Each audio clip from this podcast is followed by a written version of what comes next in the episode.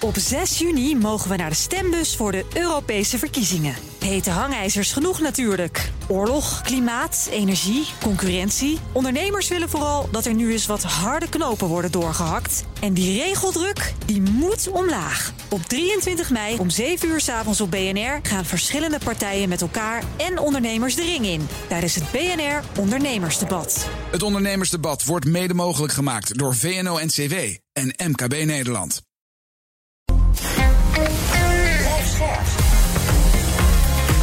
BNR Nieuwsradio.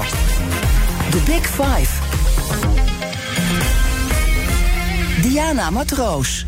Door de oorlog in Oekraïne is Europa met de neus op de feiten gedrukt. We kunnen militair geen goede vuist maken naar de vijand. En dus investeren alle landen meer in defensie. Maar ja, hoe doen we het slim? Hoe snel kan het? Hoe autonoom moeten we blijven? En wat is de nieuwe manier van militair denken die we echt moeten gaan neerzetten? Dat is wat ik wil weten en daarom spreek ik daar deze week over met vijf kopstukken in BNR's Big Five van de Europese defensie. Vandaag doe ik dat met Sabine Mengelberg. Is universitair docent aan de Nederlandse Defensieacademie. En ze heeft onderzoek gedaan naar de Europese veiligheidsarchitectuur. Het gaat dan om de NAVO, de EU en de OVSE. En hoe dat vanaf de Koude Oorlog veranderd is. Sabine, welkom. Uh, Goedemorgen, Diana. Voordat ik het met je ga hebben over jouw onderzoek, hè, want dan gaan we echt de diepte al in, want je hebt echt helemaal onderzocht hoe dat zich allemaal met elkaar verhoudt, wil ik eerst twee dingen van je weten.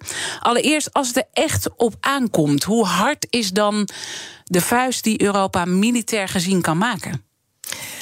Momenteel is die vuist niet zo hard. Als het echt gaat over uh, oorlog voeren, wat we zien in, uh, in de Oekraïne. Ja, conventionele, ouderwetse, traditionele oorlogsvoering, wat we zien gebeuren. Uh, is die vuist niet zo hard. Zoals we weten hebben ze het slag, of is er een grote slag gemaakt. Mm -hmm. Een hoop Europese staten die sterk gaan investeren in hun krijgsmachten. Althans tot nu toe op papier. Die Zeitenwende in, in Duitsland een bekende, maar ook in Nederland. maar dat duurt een tijd. Dus als we nu, laten we zeggen, als jij aan mij zou vragen... kunnen wij morgen in Oekraïne met onze krijgsmachten iets betekenen... dan is dat niet veel. En dus harde retoriek is niet verstandig dan? Nee, harde retoriek is momenteel niet verstandig. Laten we zeggen op militair uh, vlak. Tegelijkertijd werken wij ook samen met de NAVO. Er zit een overlap van 21 staten tussen de Europese Unie en NAVO. En ik denk dat we het daar straks ook nog even over gaan hebben, dat die overlap gaat toenemen. Uh, en met die NAVO brengen we natuurlijk de Verenigde Staten mee, Canada en nog een aantal niet-NAVO-landen ook heel interessant in deze. Bijvoorbeeld Australië, Zuid-Korea, Japan, uh, die ook slagkracht kunnen maken. Dus met z'n allen wel. Ja, maar, maar daar, daar, moeten we het mee doen. En we gaan zo meteen meer uh, kijken over die autonome rol. Hè? Of we meer naar die autonome rol moeten hebben. En wat voor impact dat ook heeft dan op onze relatie met de NAVO. Tweede wat ik van je wil weten. Het is uh, precies een jaar geleden dat je je proefschrift uh, hebt verdedigd. Ja, bijzonder. Ja, want nu is het super actueel natuurlijk. Hoe al die partijen met elkaar samenwerken. Dan wel elkaar in de weg zitten. Wat fascineert je nou het meeste als je met jouw proefschrift in gedachten naar de ontwikkelingen kijkt op dit moment? Nou, twee aspecten. Het eerste is, ik heb bijvoorbeeld op de eerste pagina van mijn proefschrift een scenario geschetst. waarin uh, Europa in puin lag. Uh, Brussel zag eruit zoals Mariupol uh, er nu uitziet. Maar mijn aanname daarbij was dat eigenlijk de Europese Unie geïmplodeerd was. Door bijvoorbeeld Brexit, maar ook andere landen die eruit zouden stappen. En ook uit de NAVO. Zo denk aan Turkije bijvoorbeeld. En die relatie tussen Turkije en een aantal Europese landen niet zo goed geweest. Maar ook uh, de Europese Unie is ook een organisatie van normen en waarden, staat voor democratische rechtsstaat. Dus bijvoorbeeld ook de moeilijkheden die we hebben, of we, uh, de Europese Unie, met uh, Polen en Hongarije. Dus wat ik schetste, over tien jaar hebben we te maken met een, een, een, uh, ja, een geïmplodeerde Europese Unie. Nou, een jaar later is er inderdaad oorlog in Europa. Uh, in Europa, breed Europa, niet de Europese Unie, vooralsnog. Uh, maar zie je dat dus wel uh, gebeuren. Dus dat vind ik een hele bijzondere. Andere is, en we, wat je al zei, we gaan het er straks uitgebreider over hebben. Maar is wat een van de conclusies die ik heb getrokken, is dat organisaties die veranderen, met name veiligheidsorganisaties, zal ik straks nog wat dieper op ingaan. Met name veiligheidsorganisaties die in hun taken veranderen en meerdere taken aannemen nemen, er eigenlijk tegenaan lopen op een gegeven moment dat dat niet met elkaar te verenigen is. Eén duidelijk voorbeeld: de NAVO uh, is een collectieve defensieorganisatie, een militair bondgenootschap, een, een, een grote militaire krijgsmacht. Mm -hmm. En tegelijkertijd is het een organisatie die de hand reikt naar andere landen in het kader van vrede en veiligheid, in het kader van ondersteuning en dat soort landen noemen partnerlanden, zoals de Oekraïne is. Ja. En de Oekraïne heeft bijvoorbeeld als partnerland de afgelopen jaren de NAVO ondersteund in dreigingen waar wij mee te maken hadden. Als partnerland heeft Oekraïne bijgedragen in Afghanistan. Uh, Voor onze veiligheid, naar aanleiding van 9-11. En heeft ook een bijdrage geleverd in die hele flitsmacht... die vanaf de Baltische Staten helemaal tot aan de Zwarte Zee loopt... Uh, in oefeningen enzovoort, ook voor onze veiligheid. En, en, en, als je dan nu kijkt naar de huidige situatie... wat triggert jou dan het meest? Dat je dan uh, zegt, die rol die zij hebben vervuld... en de situatie waar zij nu in zitten? Um, nou, uitbreiding staat uh, he, sinds 24 februari uh, op de agenda, zowel voor de Europese Unie als de NAVO. Ik denk dan aan Finland en Zweden. Uh, voor de zomer, hè, wordt er nu gezegd. Ja, precies, voor de zomer. Ja. Tegen de Britse Times. Ja, ja. ja nou, even in het kort en de relatie met de Oekraïne dan. Oekraïne is ook partnerland van de NAVO. Heeft ook een uh, speciale band uh, uh, met de Europese Unie. Maar je gaat, je gaat dus keuzes maken. En tegelijkertijd, als dat land een partnerland is, ja, zou ik durven zeggen, hou je die landen ook een soort van worst voor. Terwijl we aan de andere kant. En is dat de worst? Uh, hè, want je zegt, uh, ze hebben allemaal geholpen, uh, Oekraïne. Ja. En we hebben natuurlijk Zelensky gezien bij 60 Minutes, hè, het Amerikaanse bekende televisieprogramma, waar hij zei: Ja, ik snap dat een no-fly zone, no zone spannend is. Maar uiteindelijk zijn we met z'n allen verantwoordelijk wat hier gebeurt. En hij maakte ook een duidelijke relatie met de Tweede Wereldoorlog. Dus doen we toch te weinig? Ja, ik denk emotioneel doen we te weinig. Ik denk dat geldt voor jou en mij, uh, maar ook voor, uh, ja, voor alle mensen in Europa. En, en uh, als er meer boetjas komen, wordt, dat, wordt die roep steeds sterker. Van wat we dan wel eens zeggen van do something general.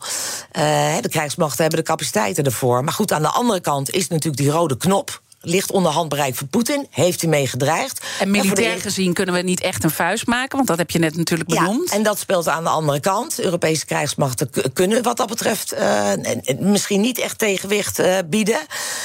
En wat vaak wordt gezegd, ja, hoe pijnlijk dat ook is. Uh, ja, Oekraïne is een bufferstaat. Uh, heeft daar dus ook uh, mee te maken, wat Zelensky ook zelf zegt. En hoe pijnlijk dat ook is.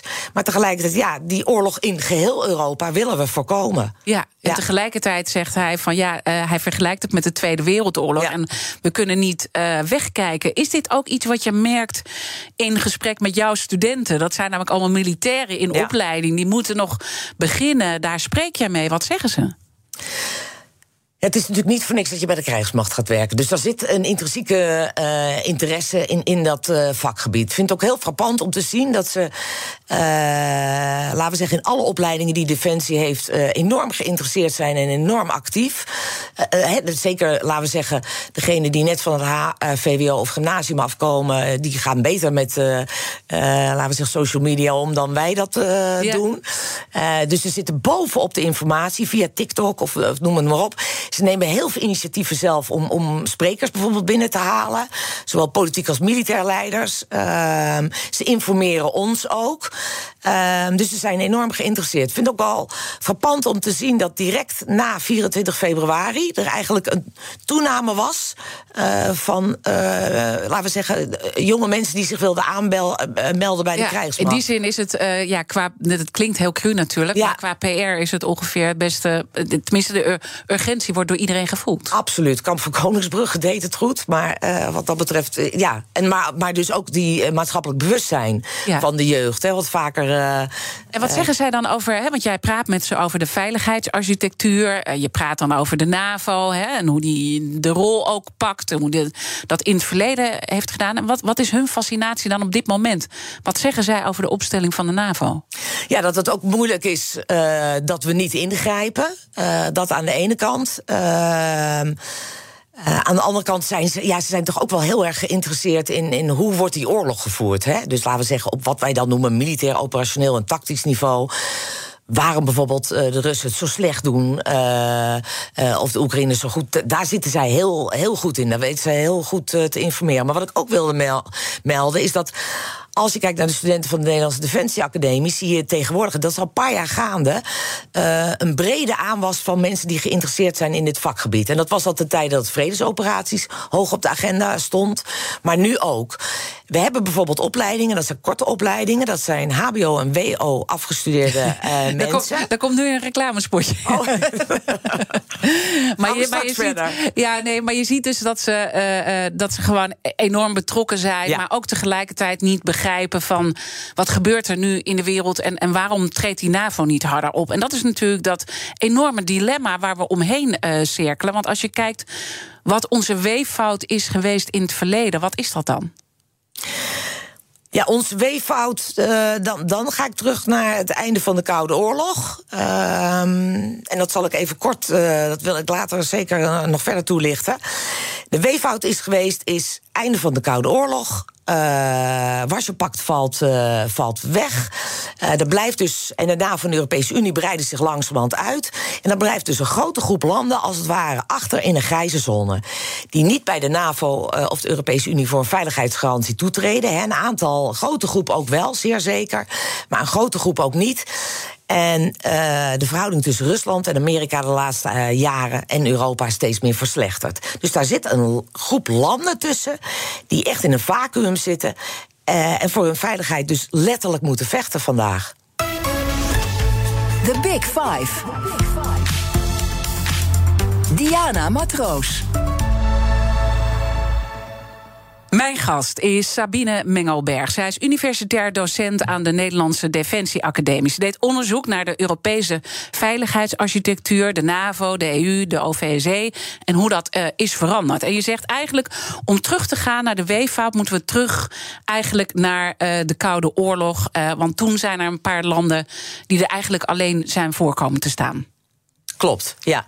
Die uitbreiding um, is direct gestart na de Koude Oorlog. Althans, de, het idee van samenwerking, dialoog.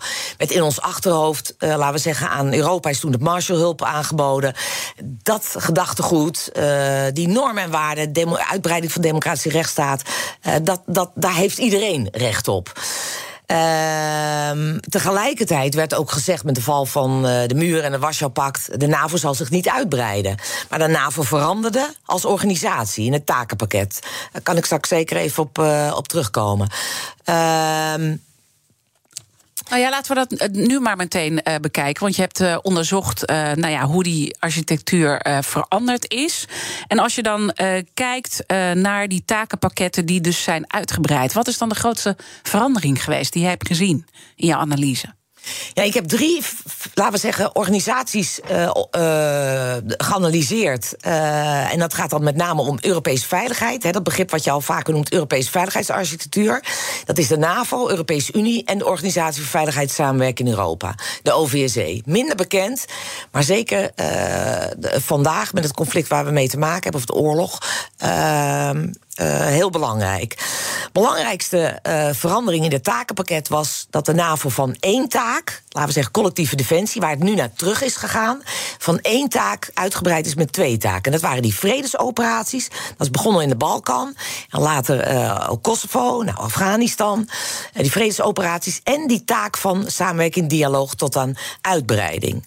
Bij de Europese Unie is het anders omgegaan. Hè, van een economische organisatie en op papier veiligheids- en tot aan vredesoperaties en daadwerkelijk ook collectieve defensie. Want die dus- mogelijkheid is er ook. Dus eigenlijk zie je de EU vanuit een politiek, hè, want je noemt economisch, maar ook een politieke organisatie, ja. steeds meer een militaire organisatie uh, worden. En de NAVO zie je eigenlijk ja, wat meer opschuiven in samenwerking en dialoog. Dus eigenlijk schuiven we steeds meer naar elkaar toe. Dat is, dat is eigenlijk wat je ziet gebeuren. Absoluut, ja. Die twee heb je uh, ja, eigenlijk sinds uh, er is een samenwerkingsverband tussen die twee begin 2000 al opgezet. Dat noemen we zogenaamde Berlijn Plus-akkoorden. Dat is steeds meer uitgebreid. Daar was de EU afhankelijk van de NAVO. Een van de redenen was omdat Amerika dat ook heel graag wilde, maar ook transatlantisch georiënteerde landen als, uh, als Nederland. Uh, en aan de andere kant de dreigingen waar we rondom 2005, 2010 mee te maken hadden, zoals georganiseerde criminaliteit, vluchtelingenstroom, maar zeker ook terrorisme constateerde de NAVO ja, wij zijn een militaire organisatie. Voor die brede veiligheid hebben we meer nodig. En heeft de NAVO gezegd van we moeten samenwerken met de Europese Unie. Dus het werd van twee kanten. Eh, werd het gevoed? Zeggen, werd ja. de relatie steeds sterker. Ja, eh, inderdaad. En, en, en, dat zag je natuurlijk ook bij het hele cyberverhaal. Hè. Dat gaf nog een keer een stap uh, erbovenop. Ja. De grote vraag is: is dat nou verstandig dat die twee steeds meer in elkaar uh, versmelten? Of kan dat. Want, want dan ga ik ook even terug naar de basis. Ooit was bedoeld om niet met elkaar te concurreren. Uh, ja, en de vraag ja. is: is dat nou wel aan het gebeuren nu? Of schuift dat steeds meer die kant op of niet? Nou, die concurrentie zat hem. Uh, denk dan uh, ook aan uh, bijvoorbeeld geld. He, als we praten over samenwerking en operaties, of dat vredesoperaties of oorlog zijn, je kunt een, net zoals Nederlands krijgsmacht kun je maar één keer inzetten. D dat is vrij simpel. Er is afgesproken dat op het moment dat we praten over echt oorlog, heeft de NAVO een soort van wat we dan noemen right of first refusal. Dus het wordt binnen de NAVO-raad in Brussel mm -hmm. besloten of we iets gaan doen bij een bepaalde oorlog of conflict. En wie dat gaat doen. En dat kan de NAVO zijn. Dan de tweede keuze zou zijn de Europese Unie. Of een coalition of willing and able. Waar nu in de situatie van Oekraïne ook wel eens uh, uh, sprake Dus eigenlijk is. is daarmee gewaarborgd dat die concurrentie nooit in de praktijk een probleem wordt. Omdat uiteindelijk de NAVO altijd voorgaat. Ja, ja. En een andere hele interessante in deze is, dat is ook iets wat ik uh, onderzocht heb, is dat dat zie je eigenlijk, voorbeeldfunctie heeft de Europese Unie daarin. We hebben namelijk, hebben bijvoorbeeld bij de EU hebben we de euro. Een aantal landen doen mee aan die euro en een aantal landen niet. Nou, dat zie je ook bij de samenwerking op het gebied van veiligheid en defensie. Voorbeeld, Duits-Nederlandse legerkorps. Nederland werkt op, met de landmacht heel sterk samen met Duitsland. Ze zijn bijna geïntegreerd, mm -hmm. niet mhm. helemaal, maar bijna. Nou, dit soort initiatieven kun je inzetten voor zowel de NAVO als de Europese Unie. Omdat, wat ik al zei, je praat over dezelfde krijgsmachten. Uh, en ja, of die voor de een of de andere organisatie worden ingezet als ze maar, wat dat betreft, de capaciteiten hebben om bepaalde taken aan te kunnen. Mhm. Het gaat natuurlijk wel over hetzelfde geld ook. Hetzelfde krijgsmachten, maar het is ook hetzelfde geld. Want je kan je ook afvragen: is het niet allemaal heel erg uh, nou, inefficiënt als we allemaal dezelfde dingen gaan doen en, en uh, uiteindelijk ook heel veel geld uh, daarin gaan stoppen? Moet je dan niet toch steeds meer opschuiven richting zo'n Europees leger waar je alles gecoördineerd gaat doen? En dat is natuurlijk ook de discussie die je nu langzaam naar voren ziet komen. Die is er al jaren, maar die komt steeds meer richting de voorgrond. Ja, ja. Ja, we hebben een paar weken geleden een soort van nieuwe Europese strategie. Dat liep samen met die hele oorlog waar we nu mee te maken hebben. Het strategische kompas, zoals we dat noemen. Uh, Uh, en daarin is ook afgesproken dat uh, die EU gaat versterken. Um, daar heeft, laten we zeggen, 24 uh, februari een grote boost in gegeven. de EU gaat inderdaad een eigen militair hoofdkwartier, of tenminste dat was er al, maar heel kleinschalig. Dat wordt uitgebreid. de capaciteiten nemen toe natuurlijk, hè, de investeringen van de lidstaten. Ehm, dat is een hele belangrijke. Maar wat er ook speelt, is er zit een grote overlap in staten tussen de NAVO en de Europese Unie. En dat zijn die 21 lidstaten die hetzelfde zijn. En waar we het ook al heel kort even over hadden, dat neemt uh, alleen maar toe. Dus dat modulair opbouwen van krijgsmachten. We hebben bijvoorbeeld de noordelijke staten die met elkaar samenwerken. Eh, dat Duits-Nederlandse legerkorps. We hebben de Visegrad-landen die met elkaar samenwerken. En inzetbaar voor waar dat nodig is, dat is een hele interessante. Daarvoor hoeven we niet een Europees leger op te tuigen. Macron heeft dat Europees leger, naar mijn mening, met name gebruikt om de Europese lidstaten, laten we zeggen, als boost om die verder te krijgen in die ontwikkeling van hun eigen krijgsmacht. Het is een soort symboolfunctie geweest. En wordt vaak uit zijn verband getrokken. En is dat ook de reden dat hij uh, eigenlijk toen heeft gezegd: uh, de NAVO is hersendood? Om, om eigenlijk ook te mobiliseren dat we allemaal wat gaan doen om olie op het vuur te gooien? Ja, absoluut. Om olie op het vuur te gooien. En, en laten we zeggen, Europese lidstaten ook wakker te maken van. En dat was natuurlijk ook de erfenis van Trump waar we mee te maken hadden. Wat als Amerika echt een andere kant uitgaat? En stel in die jaren, hè, dat was nog heel fictief, mm -hmm. Rusland wordt een grote dreiging. Wat hebben we dan? Eén nucleaire macht, zijnde Frankrijk. Uh, in Europa. En voor de rest uh, niet optimaal functionerende krijgsmachten qua capaciteit en investeringen. Dus dat was echt het idee daarvoor. Maar toch, als je kijkt, uh, dus je zegt eigenlijk het is best wel prima dat we hè, want daarmee gaan we steeds meer investeren in onze defensie door de ontwikkelingen die we nu zien, maar ook daarvoor al zien. en je zegt eigenlijk is dat prima, want je kan een beetje die kan dat doen, die kan dat doen. Maar zit er niet ook ergens een gevaar in dat we steeds meer naar elkaar toeschuiven? Dus Europa en de NAVO? Nou, ik zie dat niet zozeer als een gevaar. En, en ja, ik denk dat we er ook rekening mee moeten houden dat uh, al sinds uh, 2010 of eerder zelfs dat. Amerika focus heeft gericht op, op de Pacific, zoals we dat noemen. Politiek strategisch is dat een heel belangrijk gebied. Dus we kunnen heel blij zijn dat Biden nu voor nu nog, uh, laten we zeggen, uh, de president is van Amerika en geïnteresseerd is in Europese veiligheid. Ook omdat hij die link ziet. Mm -hmm. uh, maar het kan maar zo zijn dat dat de komende jaren gaat veranderen. En daarom zeg je, is het goed dat wij ons versterken. Ja. Maar de vraag is, doen we dat dan op een handige manier? Kan je ook een situatie creëren dat je spanning krijgt tussen de NAVO en de EU als het gaat om meer naar elkaar toe groeien? Ja. Um, nou, zo solidair zoals we nu zijn binnen NAVO en de EU, um, um, dat is uniek. Uh, maar dat kan ook heel snel omslaan. En dat geldt niet alleen tussen NAVO en de Europese Unie, maar het zijn de lidstaten die die internationale organisaties maken. Uitbreiding wordt besloten met consensus. Uh, investeringen uh, die de NAVO of de EU maken, wordt besloten met consensus. Het inzetten van de troepenmacht, of dat nou een civiele uh, missie is of een militaire operatie, wordt op ieder moment, iedere fase, zowel bij de NAVO als de Europese Unie, besloten met consensus. Dus de lidstaten maken dat. Mm -hmm. En met uitbreiding wat nu speelt, hè, de commissievoorzitter ja. van der Leyen, die vrijdag in Kiev is geweest, en die questionnaire heeft aangeboden aan, aan Zelensky Lebowski let wel, daar moeten alle lidstaten nog over gaan beslissen. of dat werkelijk goed idee is om, om Oekraïne tot de Europese Unie uh, lid te maken. Wat ik wil zeggen is dat alles wordt besloten door de lidstaten. Ja. Dus dat toegroeien van de NAVO en de Europese Unie. maar ik zou met name willen zeggen het aanvullen, het complementair zijn. en niet het elkaar concurreren. ook dat wordt besloten uh, door de lidstaten uiteindelijk. Ja, maar dat is wel iets wat, wat ze dus eigenlijk moeten vasthouden in jouw optiek. om goed te kunnen functioneren. Ja, ja. ik zie dat niet als concurrentie, maar eerder als complementair. Als dat goed wordt ingericht.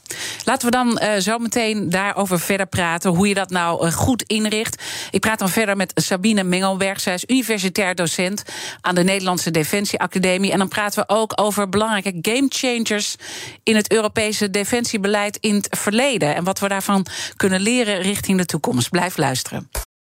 Op 6 juni mogen we naar de stembus voor de Europese verkiezingen. Hete hangijzers genoeg natuurlijk. Oorlog, klimaat, energie, concurrentie. Ondernemers willen vooral dat er nu eens wat harde knopen worden doorgehakt. En die regeldruk, die moet omlaag. Op 23 mei om 7 uur s avonds op BNR gaan verschillende partijen met elkaar en ondernemers de ring in. Tijdens het BNR Ondernemersdebat. Het Ondernemersdebat wordt mede mogelijk gemaakt door VNO-NCW en MKB Nederland.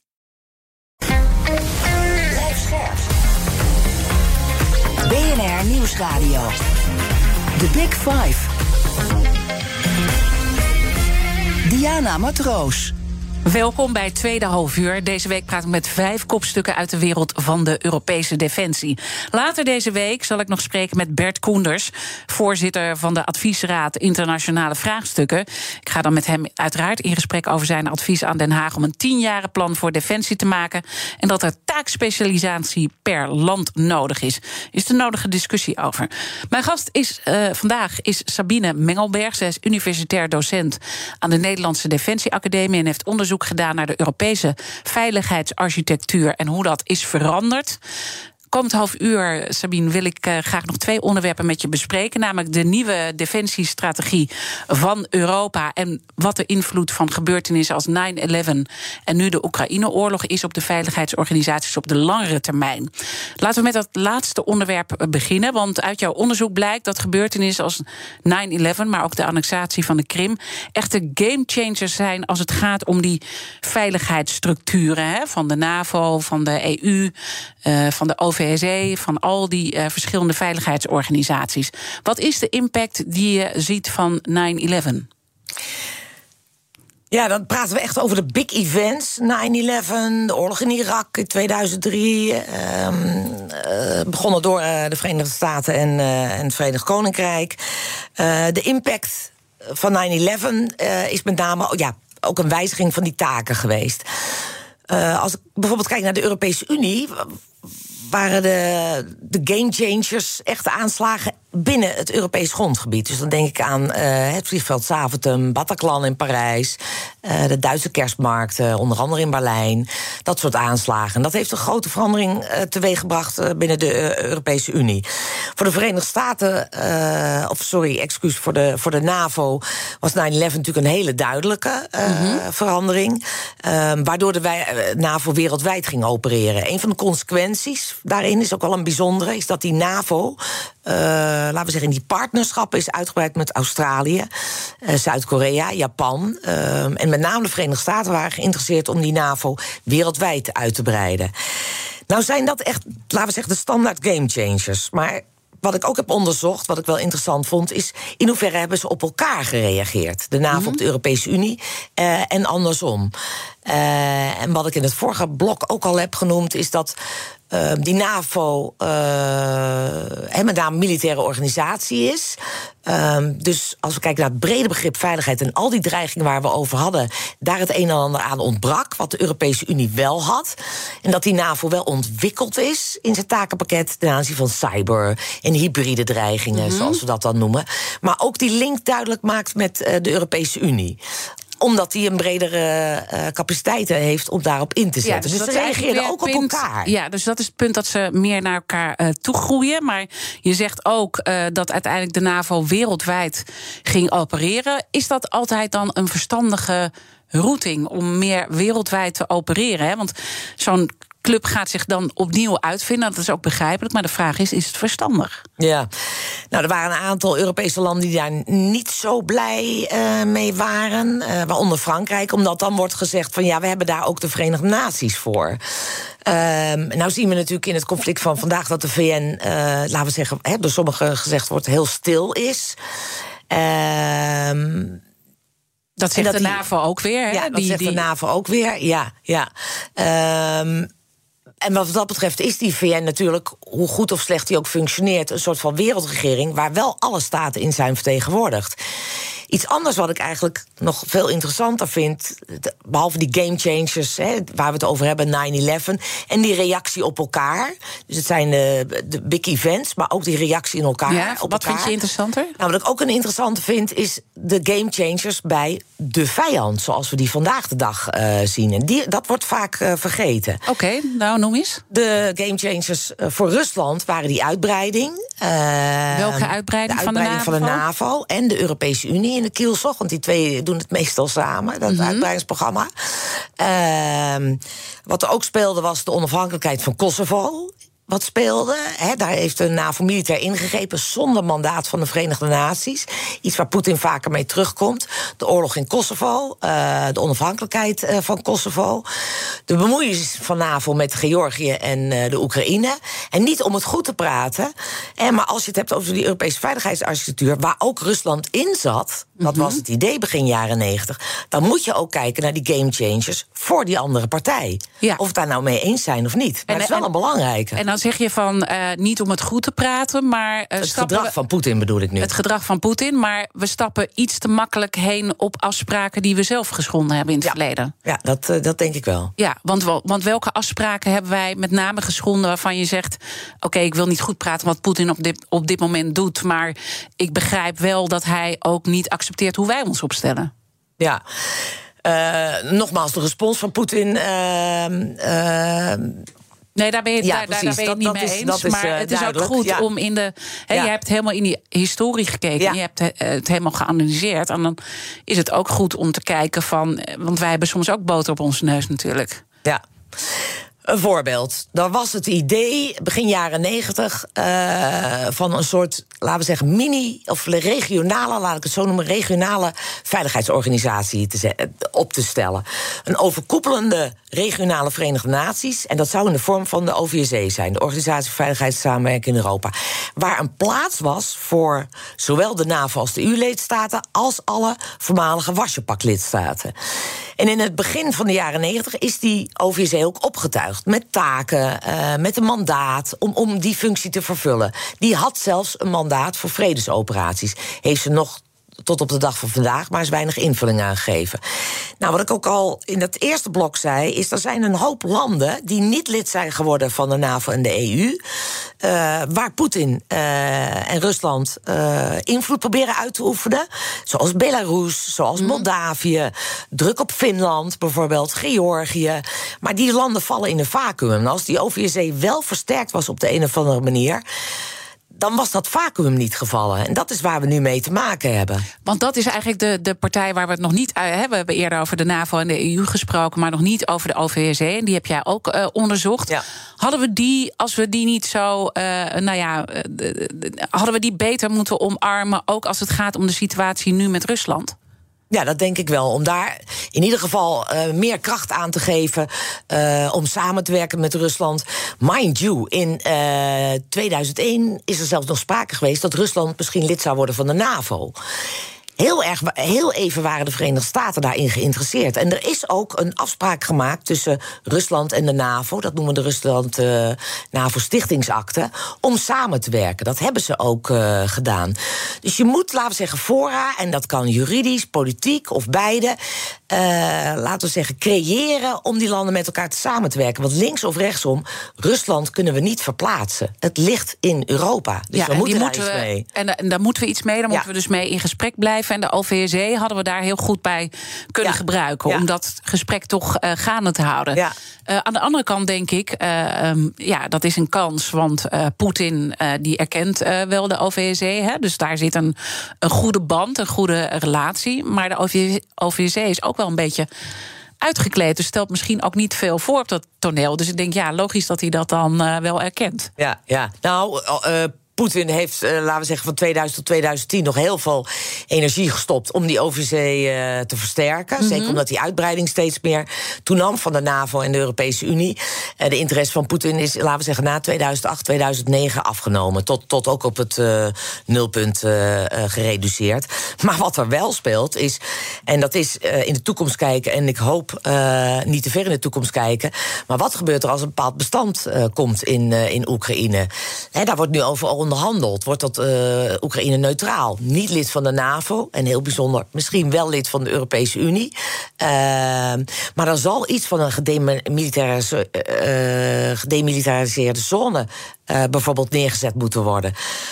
Hoe Oekraïne er ook gaat uitzien in de toekomst. En We moeten de- weer de wederopbouw eh, ook doen. ja, ook dat. En tussen die partijen moet een andere partij staan. Nou, ik denk dat dat de OVSE gaat worden. Misschien in samenspraak met de Verenigde Naties. Maar de OVSE is vaak die eyes en die ears in het hele gebied van voormalige Wasjepak en de NAVO. Nagorno-Karabakh, een jaar geleden ook uit de hand gelopen. Is nu ook af en toe weer heel spannend. Dan is de OVSE de organisatie die daar wel kan staan. Omdat de NAVO en de. Europese Unie niet getolereerd worden. Belangrijke partij dus die we meer er naartoe hadden eh, moeten trekken. Ja. Eh, je, je zegt even de neutraliteit eh, van Oekraïne. Ehm, en nou ja, er speelt dan eh, minder nu op de achtergrond de NAVO, maar wel de EU. En dan zeg je eigenlijk, als, als, als, als zij naar de EU komen.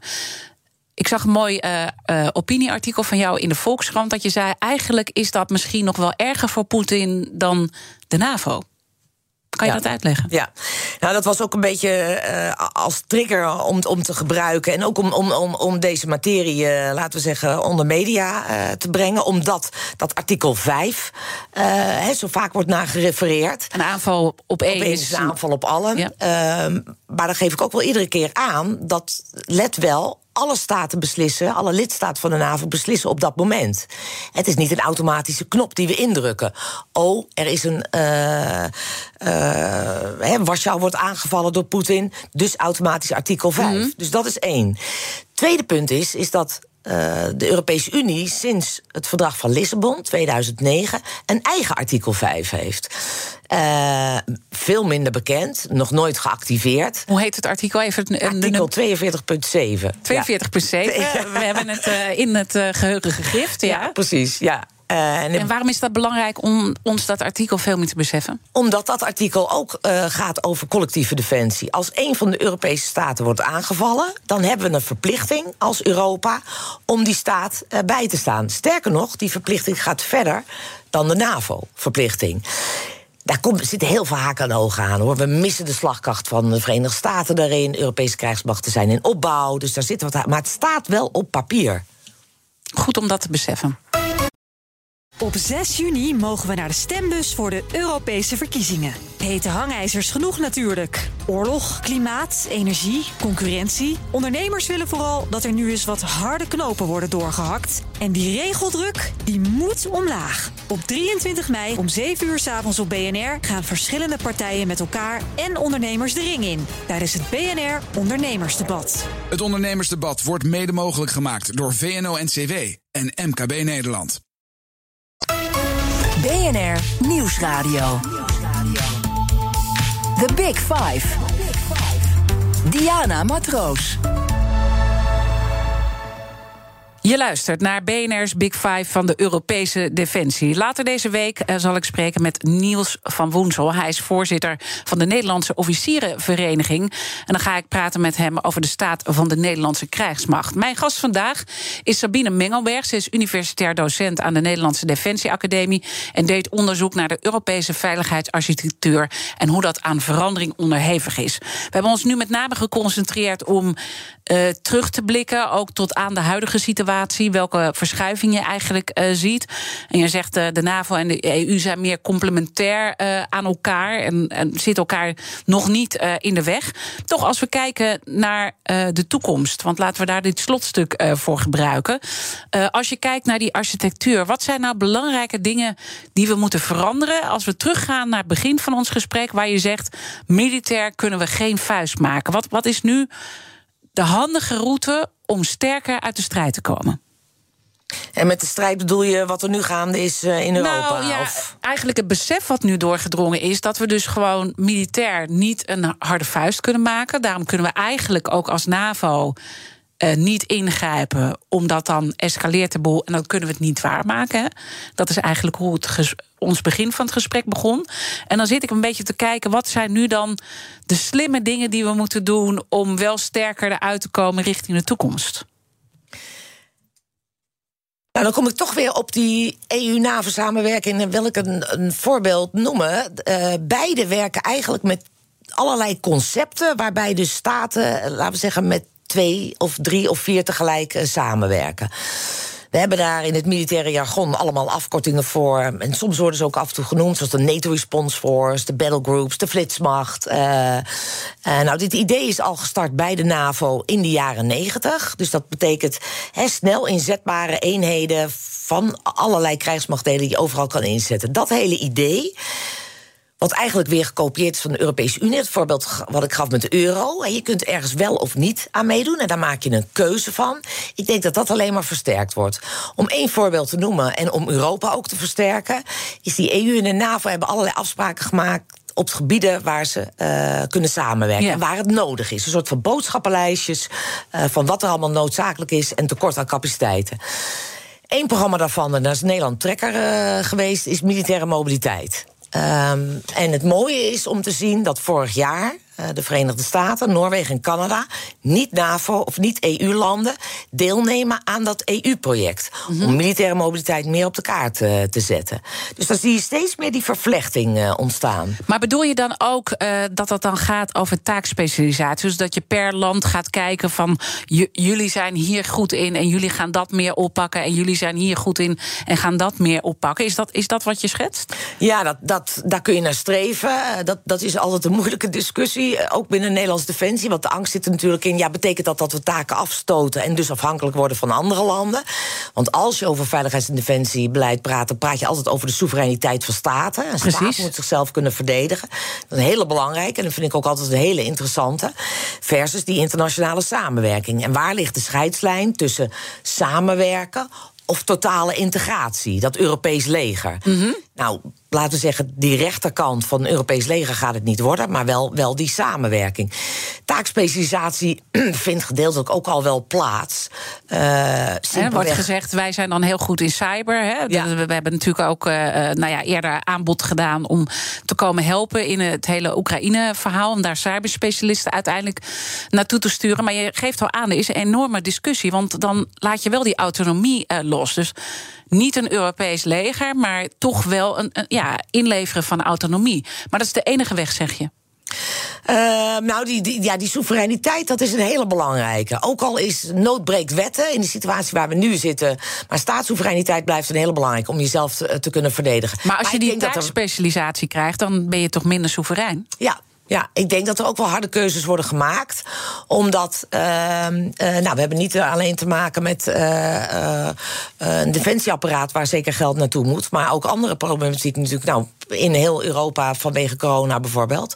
Eh, dus het geld moet verdeeld worden. Dus dat speelt ook een rol. En ik denk vanwege noodbreekwetten, situatie waar we mee te maken hebben. ehm, dat dat Ja. in de toekomst, ja, dat taakspecialisatie wel een onderdeel wordt. Nou ja, en dat blijft- vind ik dus fascinerend. Ja. Eh, ehm, ik weet overigens dat je daar niet over gaat hoor. Maar eh, als je dan kijkt naar budgetten, de militairen in Rusland zijn bijvoorbeeld veel goedkoper. Nou, hier wordt er eigenlijk al gezegd: het salaris moet omhoog. Hè, want iedereen gaat nu zijn wensenlijstje ook kenbaar maken. Er gaat meer eh, geld naar defensie. Maar ja, de, de 3 miljard klinkt veel, maar is natuurlijk niet veel. Nou, er moet aan materieel moet er van alles gebeuren. De salarissen moeten omhoog. En als je dat dan vergelijkt met eh, Rusland, waar bijvoorbeeld de, de, de militaire salarissen veel lager zitten. Als je die budgetten met elkaar gaat vergelijken, dan moet je de zaak ongeveer door drieën delen. Dus ja, wat, hoe gaan we het nou slim doen richting de toekomst? Ehm, ja, die, daar zit toch een samenwerking. Maar ik denk ook een hele belangrijke wat speelt. Dan, want dan heb je het over geld. Maar een hele grote stap, denk ik, die in Nederland en de Europese krijgsmachten niet allemaal, maar gemaakt moet worden, is de mentaliteitsverandering. Dat we daadwerkelijk te maken hebben met een oorlog aan onze grens. En het kan ook in onze grens komen. Dat is echt een omslag die gemaakt eh, moet Mhm. en wat worden. voor mentaliteitsverandering moeten we gaan maken dan? Ja, wat dat betreft een beetje Oekraïne-mentaliteit. Dat, aan de ene kant zie je dat, het, het streven naar eh, Europese normen en waarden een hele belangrijke is. En, en dat dat besef er ook is dat dat gevaar loopt. Maar we hebben heel lang, tegelijkertijd ook in de krijgsmacht, maar ook in de Nederlandse samenleving, eh, te maken gehad met vredesoperaties. En met name ver van ons bed. Dus het is ook een mentaliteitskwestie. Ik denk geld is een belangrijke, maar mentaliteit misschien ook. Ja, en hoe zou die mentaliteit zich dan in de praktijk vertalen? Eh, dat we weer ehm, ja, verplicht de, de dienstplicht terug moet komen, bijvoorbeeld? Ja, dat zou eentje kunnen zijn. Alleen, laten we alleen al het maatschappelijk debat daarover, eh, eh, daarover beginnen. En bewustzijn. Er werd altijd gezegd, bijvoorbeeld als het over crisisbeheersingsoperaties... of die operaties die we hebben gedaan... Amerika was degene die vocht en eh, kooltjes uit vuur haalde. En schertsend werd dan gezegd, Europa deed de afwas. Die was voor de operaties daarna. Nou, dat moet echt veranderen. Dat moet echt veranderen. Ja. Ehm, misschien ook mooi om te kijken wat voor kettingvraag je gaat stellen aan de gast eh, van morgen. Want daar kan je ook altijd een bepaalde zaak uittrekken. wat nou ja, verband staat met die verandering. Morgen dan praat ik met Ron Nulkens. Hij is directeur van de Nederlandse Industrie voor Defensie en Veiligheid. Wat zou je hem willen vragen? Nou, eigenlijk in het verlengde van wat jij mij net eh, vroeg. Eh, mijn vraag is: als wij streven naar strategische autonomie van de Europese Unie. eh, ook omdat Amerika dat vraagt, waar inmiddels ook Nederland een voorstander van is. In de zin van dat we onze Europese krijgsmachten moeten versterken. Dan vraag ik me eigenlijk af: moet Nederland dan ook een eigen defensieindustrie gaan opzetten? En met name in het achterhoofd. ehm, denk ik dan aan dat het in, in Nederland eh, de afgelopen decennia, eh, laten we zeggen, politiek en maatschappelijk niet makkelijk heeft gelegen. Eh, en ik vraag me af hoe de heer Nulkens denkt dat het maatschappelijk draagvlak voor een eigen defensieindustrie zou liggen. En dat is eigenlijk ook wat je over de breedte zegt. We moeten veel meer maatschappelijk debat voeren welke kant uh, we op willen. Absoluut. Ja. Uh, dat we iets moeten doen, dat is uh, duidelijk. We moeten meer van de vredesoperaties, de, nou ja, dat gedachtegoed moeten we helaas verlaten, want de wereld is gewoon veranderd. In de tussentijd kunnen we niet een militaire harde vuist maken. Hoe moeten we ons in de tussentijd redden? Toch maar weer kijken naar de grote broer? Ja, ik denk dat voorlopig die samenwerking een hele belangrijke is. Uh, we hebben het over, net gehad over mentaliteitsverandering in, in de maatschappij in Nederland en in Europa. Uh, dat is een belangrijke. Maar de Europese Unie heeft ook wel wat te bieden. Het is niet helemaal zo dat we niks te bieden hebben. Uh, en hoe de EU werkt, is dat er allerlei initiatieven worden genomen. Die staan op papier. En daar wordt vaak ook schetsend over gedaan bij de Europese Unie. Bijvoorbeeld een Europese uh, vredesfaciliteit. Uh, dat stond op papier. Uh, en dat was voor mogelijke samenwerking of ondersteuning van een organisatie als de Afrikaanse Unie of, of een andere organisatie. Nou, nu uh, blijkt toch dat dat heel erg handig is. En we daadwerkelijk geld, de Europese missie, Commissie, daadwerkelijk geld uh, kan bijdragen aan uh, de partijen in de Oekraïne die dat nodig hebben. En aan het ondersteunen van Europese krijgsmachten. Ja, dus we moeten er ook niet doen alsof het niks voorstelt. Nee, Goed, dus we kunnen wel, ja, ja, te besluiten. Kunnen wel wat doen. Daarmee. Dankjewel, Sabine Mengelberg, universitair docent aan de Nederlandse Defensieacademie. Alle afleveringen van BNR's Big Five zijn zoals altijd terug te luisteren. Je vindt de podcast in onze BNR-app en op bnr.nl. En heeft Europa je interesse? Luister dan zeker ook naar BNR Europa. Iedere woensdag van 7 tot half 8. En ook te vinden in je podcast-app. Maar blijf vooral live. Zometeen iemand Verrips met BNR breekt. Ik wens je een mooie dag. Op 6 juni mogen we naar de stembus voor de Europese verkiezingen. Hete hangijzers genoeg natuurlijk. Oorlog, klimaat, energie, concurrentie. Ondernemers willen vooral dat er nu eens wat harde knopen worden doorgehakt. En die regeldruk, die moet omlaag. Op 23 mei om 7 uur s avonds op BNR gaan verschillende partijen met elkaar en ondernemers de ring in. Tijdens het BNR Ondernemersdebat. Het Ondernemersdebat wordt mede mogelijk gemaakt door VNO-NCW en MKB Nederland.